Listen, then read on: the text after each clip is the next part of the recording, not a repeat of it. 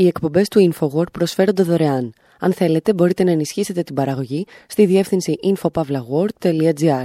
Η διεύθυνση infopavlagor.gr. Η εκπομπή InfoWord με τον Άρη Χατζηστεφάνου.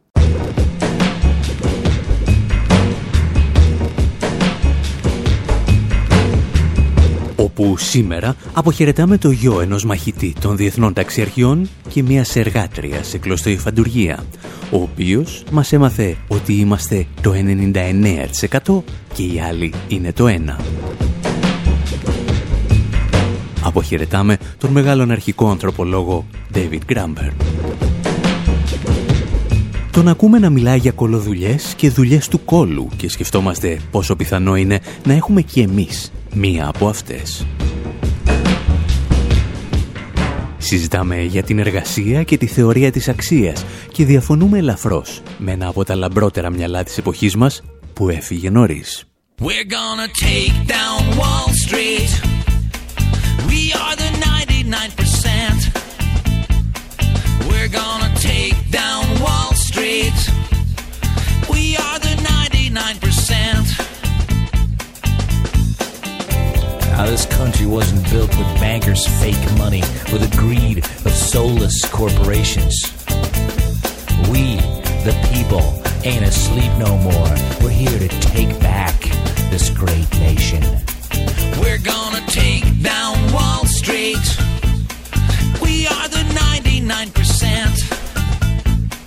We're gonna take down Wall Street. We are the 99%. So let the system crumble. Now then let's build it up again. Build ourselves a new America with real leaders, not just bankers' friends. We're gonna take down Wall Street. We are the 99%. We're gonna take down Wall Street. We are the 99%. Rise up, New York. Rise up, Boston. Rise up, Cleveland. And rise up, LA. Rise up, Chicago. Ένα από τα πρώτα τραγούδια που γράφτηκαν για το κίνημα Occupy Wall Street στις Ηνωμένες Πολιτείες μας θυμίζει ότι είμαστε το 99% και αυτοί είναι το 1%. Αν και από τότε που γράφτηκε, μάλλον είμαστε περισσότεροι και αυτοί είναι λιγότεροι και πλουσιότεροι. Rise up, America. And take your country back. Αρκετοί πιστεύουν ότι το συγκεκριμένο σύνθημα για το 99% το εμπνεύστηκε ο μεγάλος αναρχικός ανθρωπολόγος και ακτιβιστής David Graeber από τις πιο αναγνωρίσιμες φιγούρες του Occupy Wall Street, αλλά αργότερα και του Occupy London. I come from the United States where everybody is taught that democracy, you know, comes from the founding fathers who Ο created David Graeber, τον οποίο ακούμε εδώ, γεννήθηκε σε εβραϊκή οικογένεια των Ηνωμένων Πολιτειών. Μια χώρα η οποία, όπως λέει, ιδρύθηκε όταν κανένας δεν ήθελε να ακούει τη λέξη δημοκρατία. Never talks about this. Um, and if you look at, it, you know, Ο Γκράμπερ όμως γεννήθηκε σε μια άλλη Αμερική.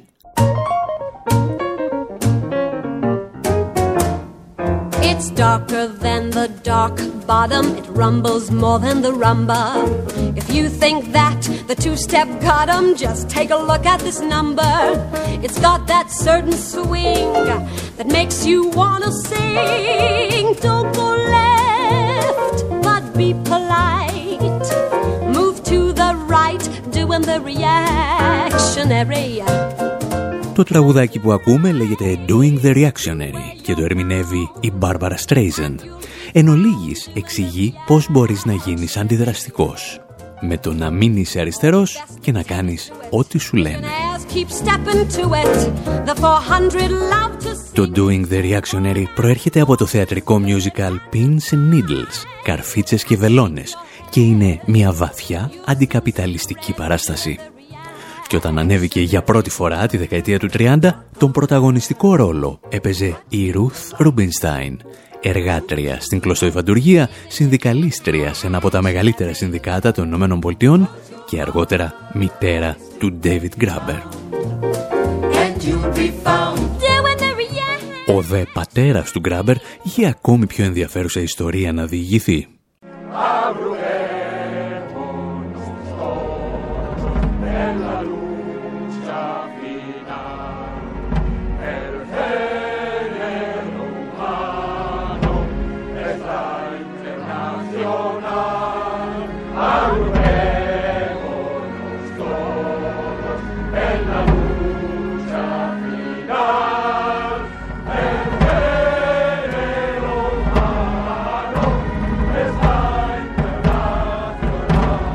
Το 1937 ο Κένεθ Γκράμπερ ταξιδεύει στη Βαρκελόνη για να πολεμήσει τον φασισμό με τις διεθνείς ταξιαρχίες.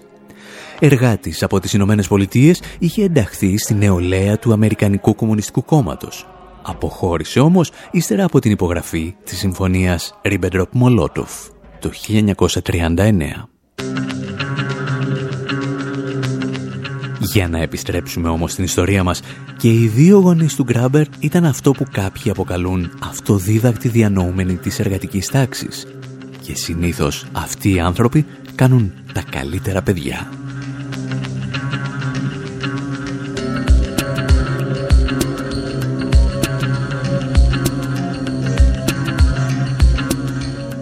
Ο David Grabber θα γίνει, όπως έλεγε, αναρχικός στα 16 του χρόνια και λίγο αργότερα θα ενταχθεί με το επιστημονικό του έργο σε ορισμένα από τα μεγαλύτερα πανεπιστήμια του κόσμου, σαν καθηγητής. Με τις ιδέες του θα μπορούσαμε να γεμίσουμε δεκάδες εκπομπές, αλλά σκεφτήκαμε σήμερα να σταθούμε σε μία από τις πιο πρόσφατες δημιουργίες του και συγκεκριμένα το βιβλίο του Bullshit Jobs, A Theory, το οποίο θα μεταφράζαμε ως «Δουλειές του κόλου», μια θεωρητική προσέγγιση.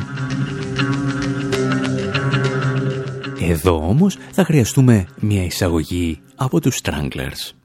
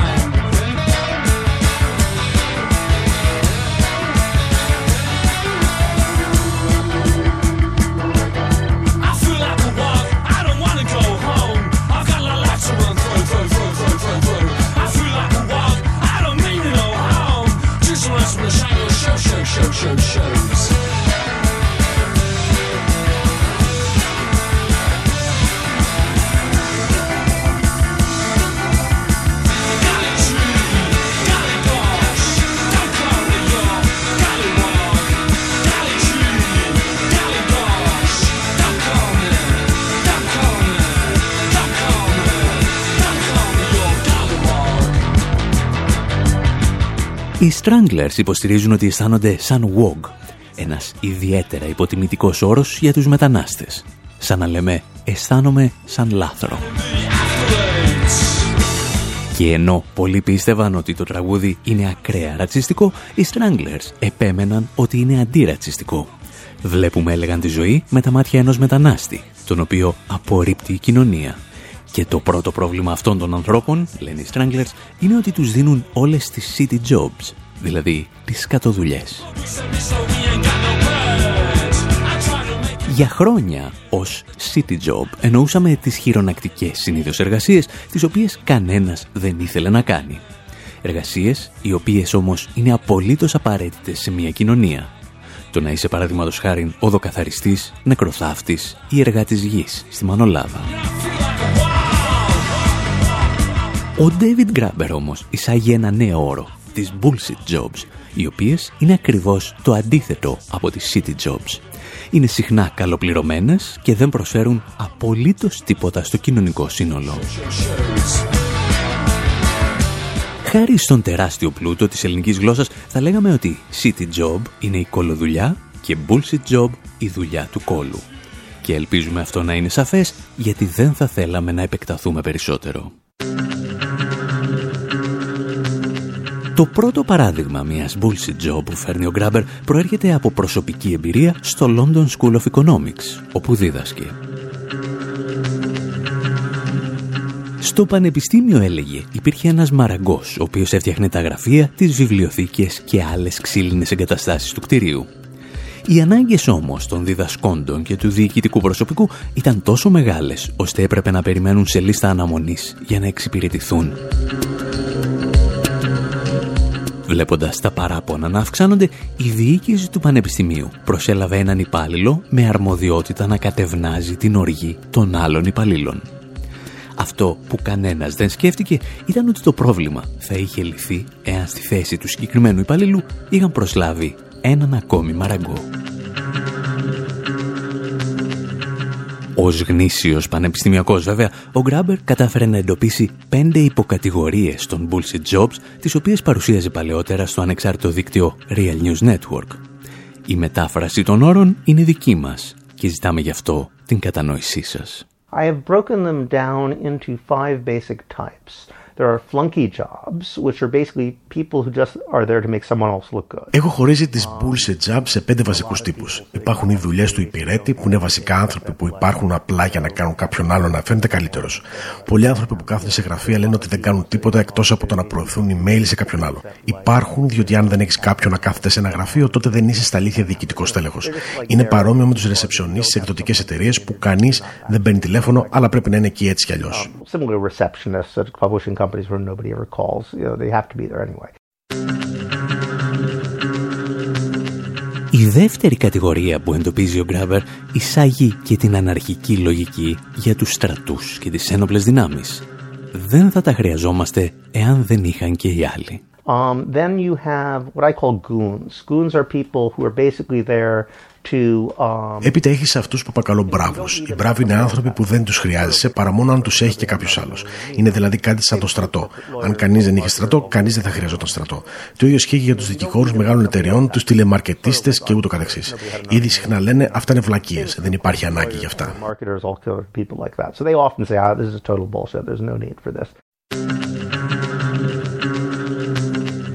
Στην τρίτη κατηγορία του Γκράμπερ συναντάμε τους εργαζόμενους μονοτική ταινία ή αν προτιμάτε τα μπαλώματα. Είναι εκεί γιατί κάποιοι δεν θέλουν να αντιμετωπίσουν πραγματικά ένα πρόβλημα. The next one is I call them duct tapers. Duct tapers are there are people who are there to fix a problem that does not need to exist and everybody knows it. Την επόμενη κατηγορία τους αποκαλώ εργαζόμενους μονοτική ταινία. Είναι άνθρωποι που βρίσκονται εκεί για να διορθώσουν ένα πρόβλημα που θα μπορούσε να μην υπάρχει και όλοι το ξέρουν. Είναι σαν να έχεις μια σκεπή στο σπίτι σου που μπάζει νερά. Αντί να προσλάβεις έναν ειδικό για να τη φτιάξει, βάζεις ένα κουβά να μαζεύει τα νερά. Και ύστερα προσλαμβάνεις κάποιον για να διάζει το κουβά κάθε μισή ώρα. Πολλές εταιρείες το κάνουν. Θα προσλάβουν κάποιον για να αντιμετωπίσει τη ζημιά ή το γεγονός ότι κάτι είναι άσχημα οργανωμένο, επειδή είναι ευκολότερο από το να διορθώσει το πρόβλημα. Υπάρχουν εκατομμύρια εκατομμύρια τέτοιων ανθρώπων.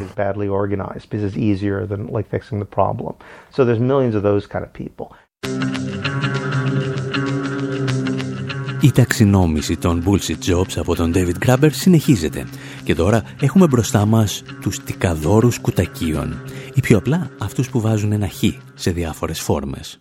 Then there's box tickers. Box tickers are people who are there to allow an organization to say they're doing something that they're not doing. Um, Έπειτα υπάρχουν αυτοί που τικάρουν τα άδεια κουτάκια σε φόρμες. Είναι άνθρωποι που βρίσκονται εκεί για να επιτρέψουν σε έναν οργανισμό να πει ότι κάνει κάτι που στην πραγματικότητα δεν κάνει. Υπάρχουν πολλοί τέτοιοι στην κυβέρνηση, αλλά και οι ιδιωτικές εταιρείες τους χρησιμοποιούν σε μεγάλο βαθμό. Θυμάμαι κάποιος μου είπε κάποτε ότι δούλευε σε οίκο ευγερία. Δουλειά μου είναι να παίρνω συνεντεύξεις και να μαζεύω δεδομένα για το τι είδους διασκέδαση προτιμούν να έχουν οι άνθρωποι. Ύστερα τα τοποθετώ σε φόρμες και τις καταχωρώ ανάλογα. Το πρόβλημα με όσους τικάρουν κουτάκια είναι ότι η δουλειά τους παίρνει τόσο πολύ χρόνο που θα μπορούσε να χρησιμοποιήσει χρησιμοποιηθεί για να κάνει αυτά που καταγράφει. Θα μπορούσαν να διασκεδάζουν αυτούς τους ανθρώπους, αλλά στην πραγματικότητα ξοδεύουν το 70% του χρόνου τους ρωτώντας τι θα ήθελαν ως διασκέδαση. Και ύστερα εκνευρίζονται γιατί κανένας δεν ασχολείται με αυτό που κάνουν.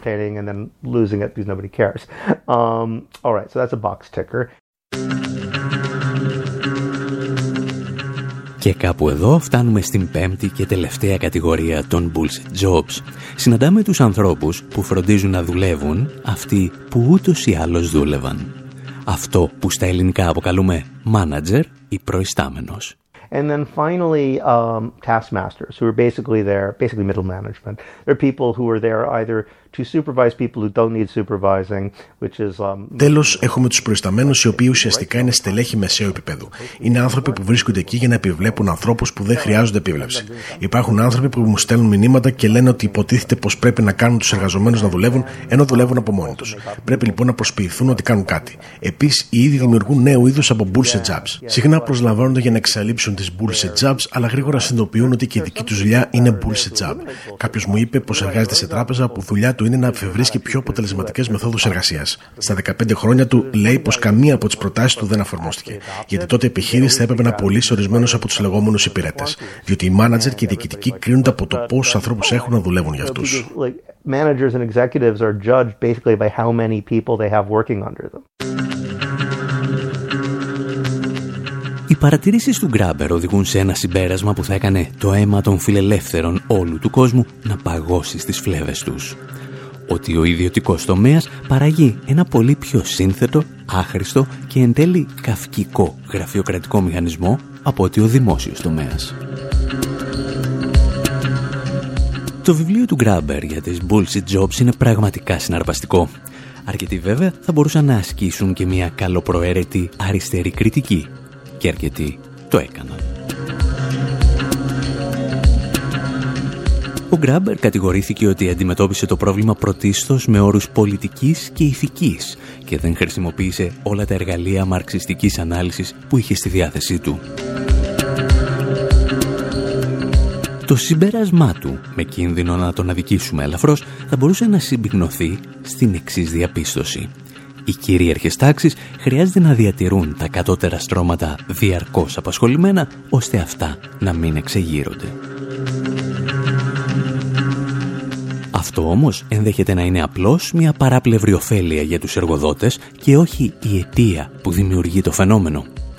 Καταρχήν, οι εργοδότες χρειάζονται συχνά περισσότερους εργαζόμενους γιατί από αυτούς μπορούν να αντλούν περισσότερη υπεραξία. Και εδώ είναι η ουσία του ζητήματος. Κάτι που δεν θα μπορούσαν λόγω χάρη να κάνουν εάν όλα είχαν αυτοματοποιηθεί και οι άνθρωποι κέρδιζαν ελεύθερο χρόνο για τον εαυτό τους.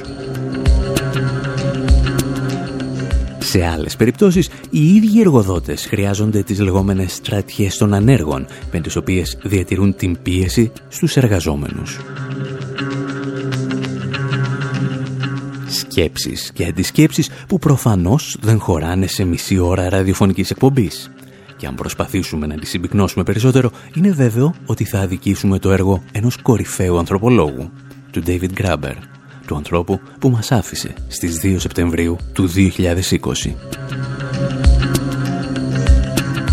Εσείς πάλι μένετε εδώ, γιατί η εκπομπή συνεχίζεται.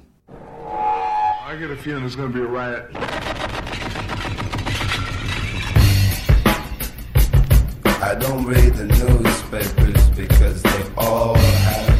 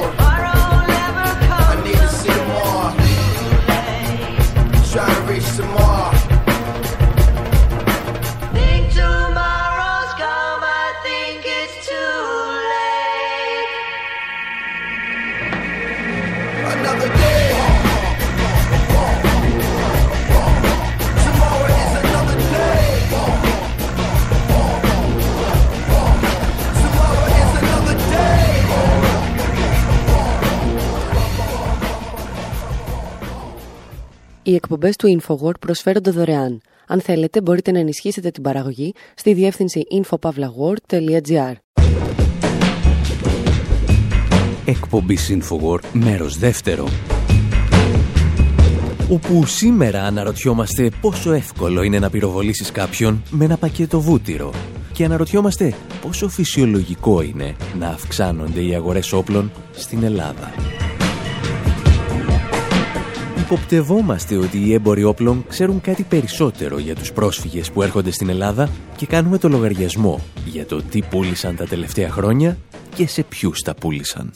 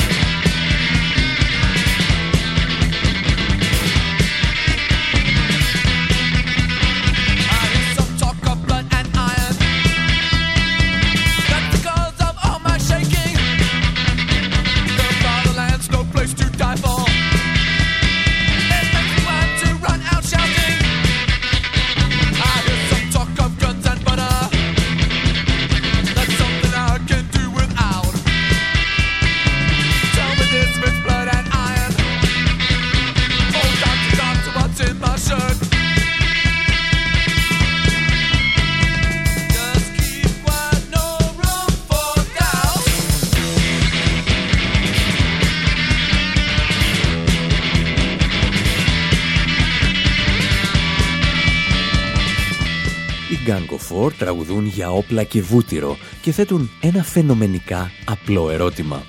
Προτιμάς η χώρα σου να δαπανά περισσότερα σε εξοπλισμούς ή να αυξήσει τις κοινωνικές δαπάνες; Και αν κρίνουμε από τον επόμενο στίχο που λέει «Η πατρίδα δεν είναι τόπος για να προσφέρεις τη ζωή σου», μπορούμε να υποθέσουμε ότι προτιμούν τις κοινωνικές από τις πολεμικές δαπάνες. Μπορούμε επίσης να υποθέσουμε ότι άκουσαν την πρόταση όπλα ή βούτυρο σε μια ομιλία που έδωσε η Μάργαρετ Θάτσερ το 1976. Η Σοβιετική, είχε πει η σιδηρά κυρία, προτιμούν πάντα τα όπλα από το βούτυρο. Εμείς όμως προτιμάμε οτιδήποτε άλλο περισσότερο από τα όπλα. Το οποίο είναι μεγάλες κουβέντες για να λες πριν γίνεις πρωθυπουργός γιατί όταν η ίδια μετακόμισε στον αριθμό 10 της Downing Street και συγκεκριμένα το 1982 αισθάνθηκε μια ακαταμάχητη ανάγκη να ξεκινήσει έναν πόλεμο με την Αργεντινή.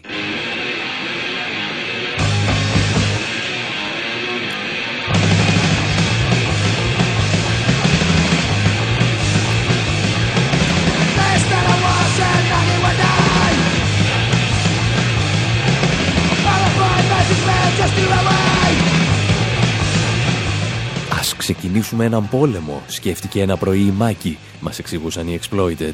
Θα ξεμπερδέψουμε έτσι και με τους ανέργους, οι οποίοι, χωρίς να πούν κουβέντα, θα πάνε να σφαγιαστούν σαν τα πρόβατα. Το οποίο είναι πιθανότατα ακριβώς αυτό που σκέφτηκε η Μάγκη, όταν οι επιπτώσεις από την νεοφιλελεύθερη πολιτική της είχαν αρχίσει να γίνονται αισθητές στο Ηνωμένο Βασίλειο. Απλώς δεν το είπε με αυτή τη μουσική στο μυαλό της.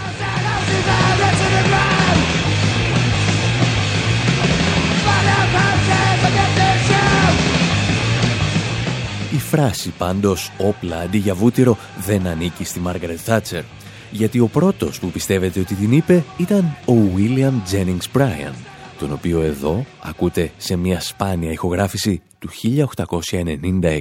Mr. Chairman and gentlemen of the convention, I would be presumptuous indeed to present myself against the distinguished gentleman to whom you have listened. Ο Μπράιαν ήταν μια ιδιαίτερη περίπτωση πολιτικού και ίσως να μην είναι υπερβολή να τον αποκαλέσουμε τον Μπέρνι Σάντερς των αρχών του 20ου αιώνα.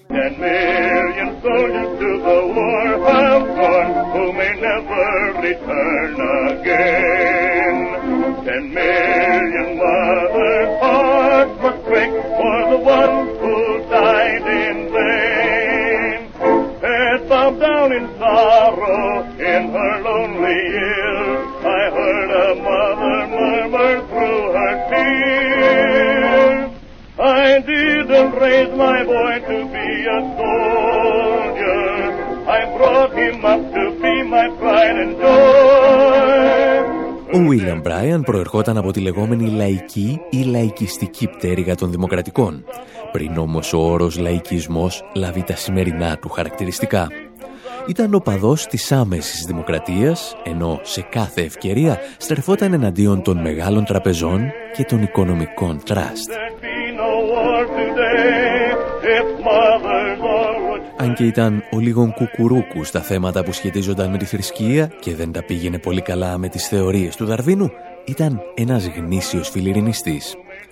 Του έτυχε όμως να είναι υπουργός εξωτερικών όταν οι Ηνωμένες Πολιτείες αποφάσισαν να εμπλακούν στον Πρώτο Παγκόσμιο Πόλεμο. Ο Μπράιαν λοιπόν πήρε το καπελάκι του, χαιρέτησε τον πρόεδρο Βίλσον και υπέβαλε την παρέτησή του. Ίσως μάλιστα να σιγομουρμούρισε στον πρόεδρο και αυτό το αντιπολεμικό τραγουδάκι που ακούμε. Εγώ δεν μεγάλωσα τα παιδιά μου, λέει, για να γίνουν στρατιώτες.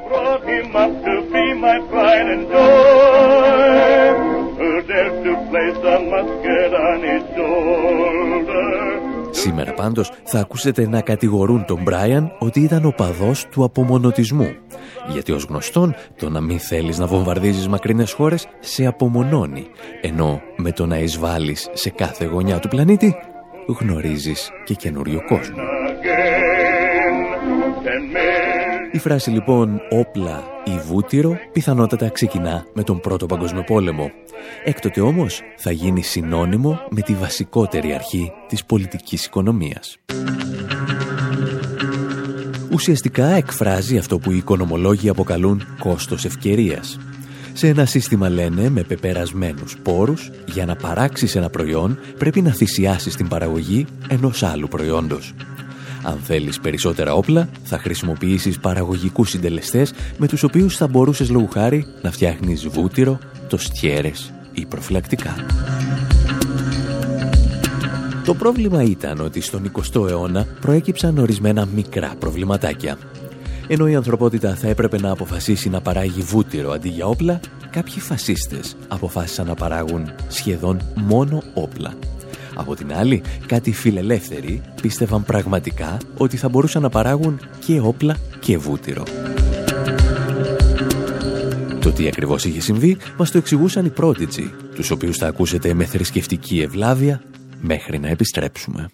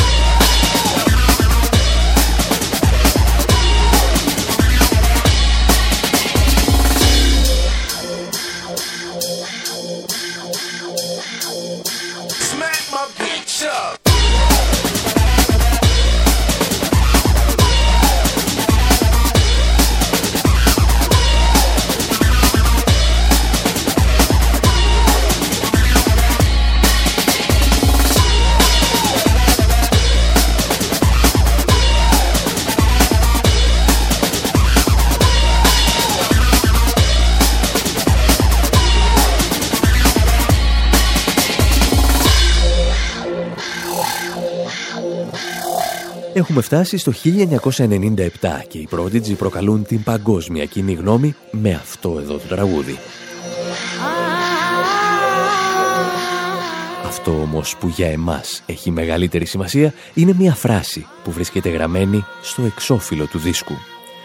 Δεν έχουμε έλεγε βούτυρο, αλλά σε ρωτάω, προτιμάς να έχουμε βούτυρο ή όπλα; Η ετοιμότητα μας κάνει ισχυρούς. Το βούτυρο απλώς μας κάνει χοντρούς.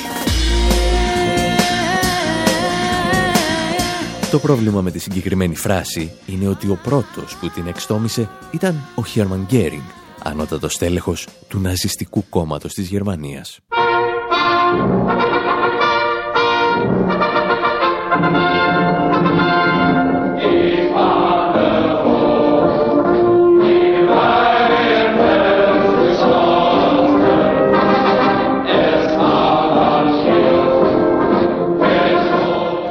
Γκέρινγκ δεν ήταν ο μόνος που είχε τοποθετηθεί με σαφήνεια στο δίλημα όπλα ή βούτυρο. Ο υπουργός προπαγάνδας του Χίτλερ, Τζόσεφ Γκέμπελς, δήλωνε τα εξής. «Μπορούμε, έλεγε, να ζήσουμε χωρίς βούτυρο, αλλά παρά την αγάπη μας για την ειρήνη, δεν μπορούμε να ζήσουμε χωρίς όπλα, γιατί κανείς δεν μπορεί να πυροβολεί με το βούτυρο». Όπως έχουμε εξηγήσει και στο παρελθόν, το ανέκδοτο του Γκέμπελς είναι τόσο ανόητο όσο και αυτό που λέει ότι η διαφορά ανάμεσα σε ένα πεπόνι και ένα παγόνι είναι ότι το πεπόνι παγώνει ενώ το παγόνι δεν πεπόνι.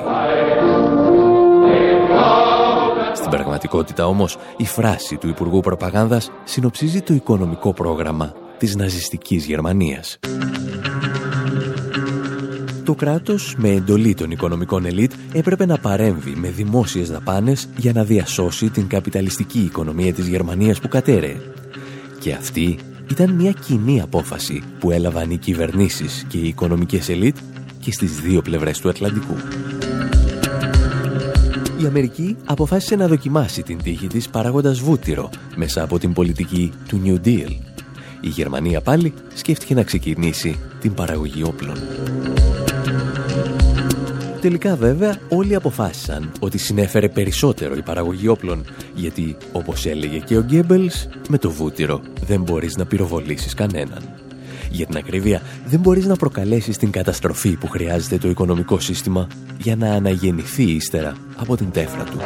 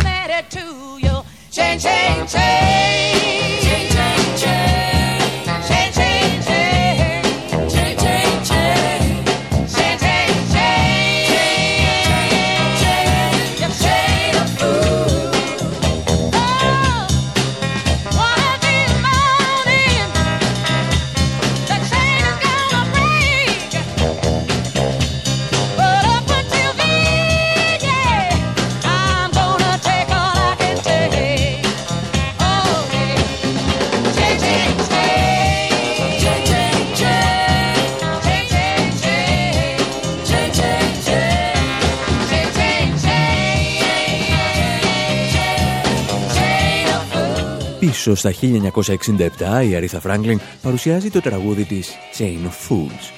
Και αν η ίδια δεν είχε καμία πρόθεση να γράψει κάτι πολιτικό, μία χρονιά πριν από το 68 τα πάντα ήταν πολιτικά. Το Chain of Fools γίνεται άτυπο σύμνος για χιλιάδες μαύρους στρατιώτες που πολεμούν στο Βιετνάμ στο όνομα μιας πατρίδας που ποτέ δεν τους αναγνώρισες σαν ισότιμους πολίτες, σκοτώνουν ανθρώπους, τους οποίους οι ίδιοι ποτέ δεν αναγνώρισαν σαν πραγματική απειλή. Και όταν αυτοί οι στρατιώτες τραγουδούσαν το Chain of Fools, αναφέρονταν στο Chain of Command, τη στρατιωτική ιεραρχία των ηλιθίων που τους έστελναν σε βέβαιο θάνατο.